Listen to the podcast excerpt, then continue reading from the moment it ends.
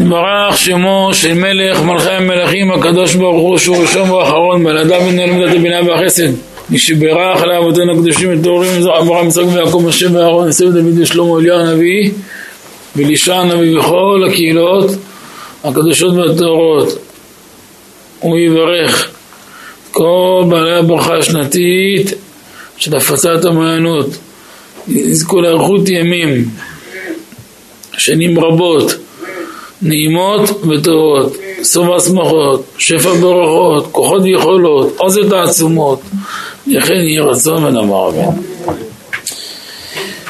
בוקר טוב לכם בית ישראל האהובים, השיעור הימי תתקפ"ח, הקדוש ברוך הוא סובב ומקיף את הכל.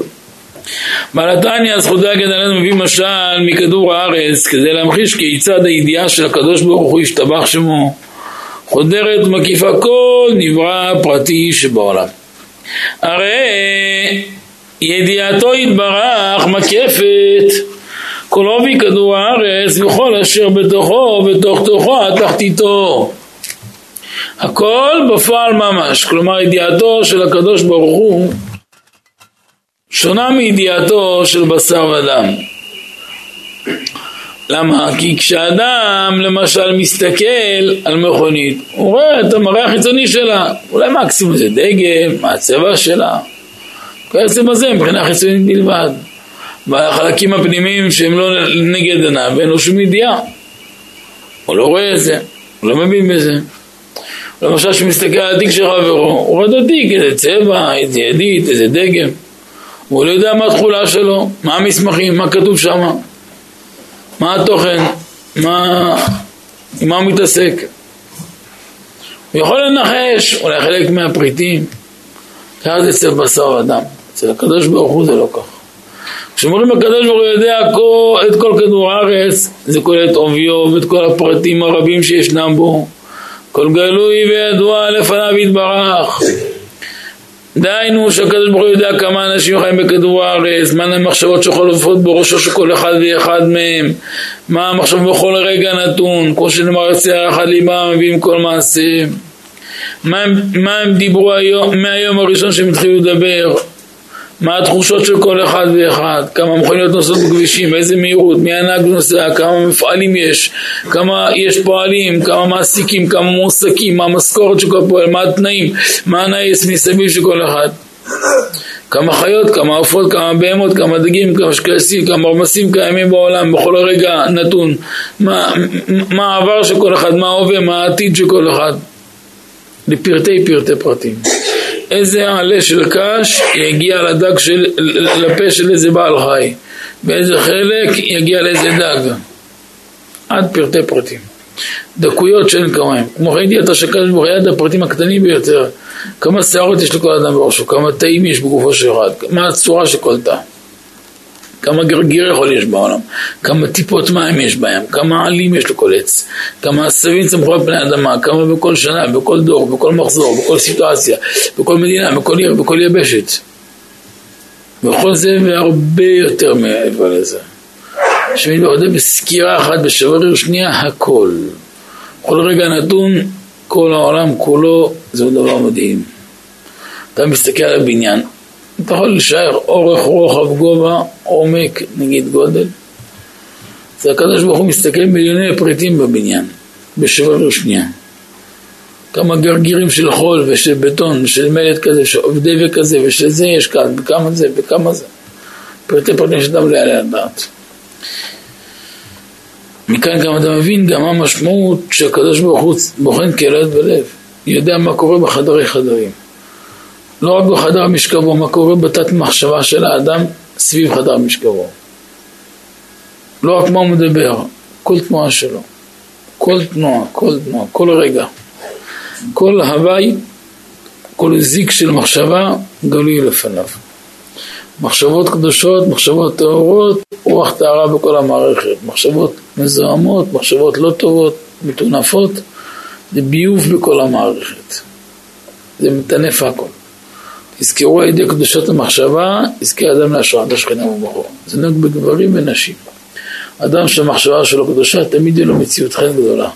תמיד העולם משתוקק לקרבתו. כשהמחשבה פרוצה, מחשבה פגומה, אף אחד לא יכול לסבול את הקרבה שלו. יש לו דחייה בכל מקום, הוא דחוי.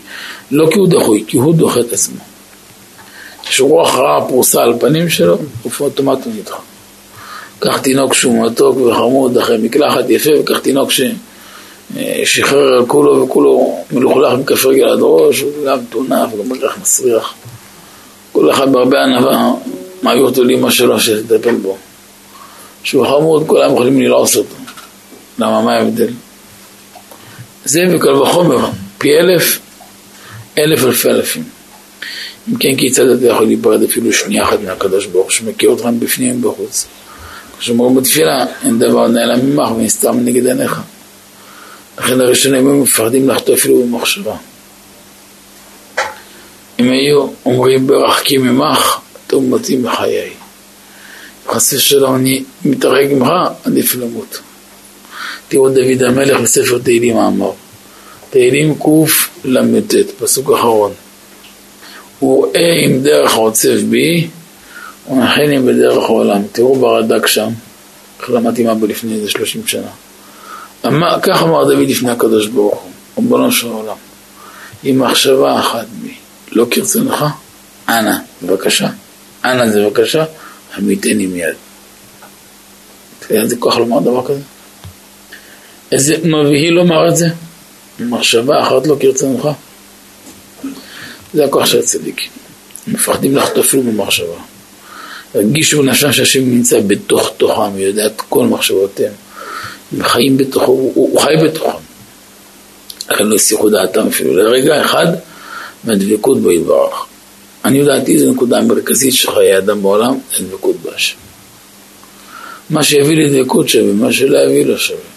כל תכלית נתינת התורה זה לזכות על ידי זה לדבקות, המצוות לדבקות, תפילה לדבקה בו. מטרת הנישואין זה דבקות, אומר לדבק טוב. ילדים זה דבקות.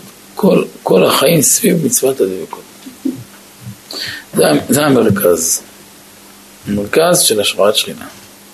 הגורם להשראת שכינה. וידע מחשב, לכן לא הסירו דעתם אפילו לרגע מהדבקות בהדבר. קיימו בעצמם שיביתי אדוני לנגדי תמיד. כמו שכתב בעל בסוף פרק מ"ב, והנה כל אדם מישראל יהיה מי שיהיה שיתבונן בזה שעה גדולה בכל יום, איך שהקדוש ברוך הוא מלוא ממש, מלא ממש את העליונים, ואת התחתונים, את השמיים, את הארץ ממש, מלוא כל הארץ כבודו ממש.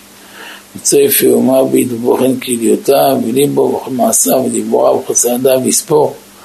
זה תקבע, תקבע בליבו יראה לכל יום כולו. כשיחזור ויתבונן בזה, אפילו בהתבוננות קלה, בכל עת ובכל שעה. יסור מרע, מעשה טוב מחשבה, דיבור, מעשה שלא למרות חס ושלום עיני כבודו, שומע כל הארץ כבודו. אור הגנוז מחשבתו של הקדוש ברוך הוא אינה כמחשבת האדם. אדם שרואה חפץ מסוים, הוא רואה רק את המראה החיצוני שלו. אולם הקדוש ברוך הוא יודע בסקירה אחת בכל רגע, כל דבר בעולם עד לפרטי פרטים. בית אדם שמתבונן בכך שהשני ברוך יודע ורואה כל פעולה במחשבה שלו בכל רגע ורגע, יפחד לחטוא ולעולם הוא לא יסיח דעת מהקדוש ברוך הוא. זה אומר הכל. שמזכה אותנו לעשות נחת רוח לפניו. לזכות לדבקות אמת בו יתברך. ולהיות יראת השם על פנינו, ומקרבנו ממש תחנה השכינה הקדושה, ידעת.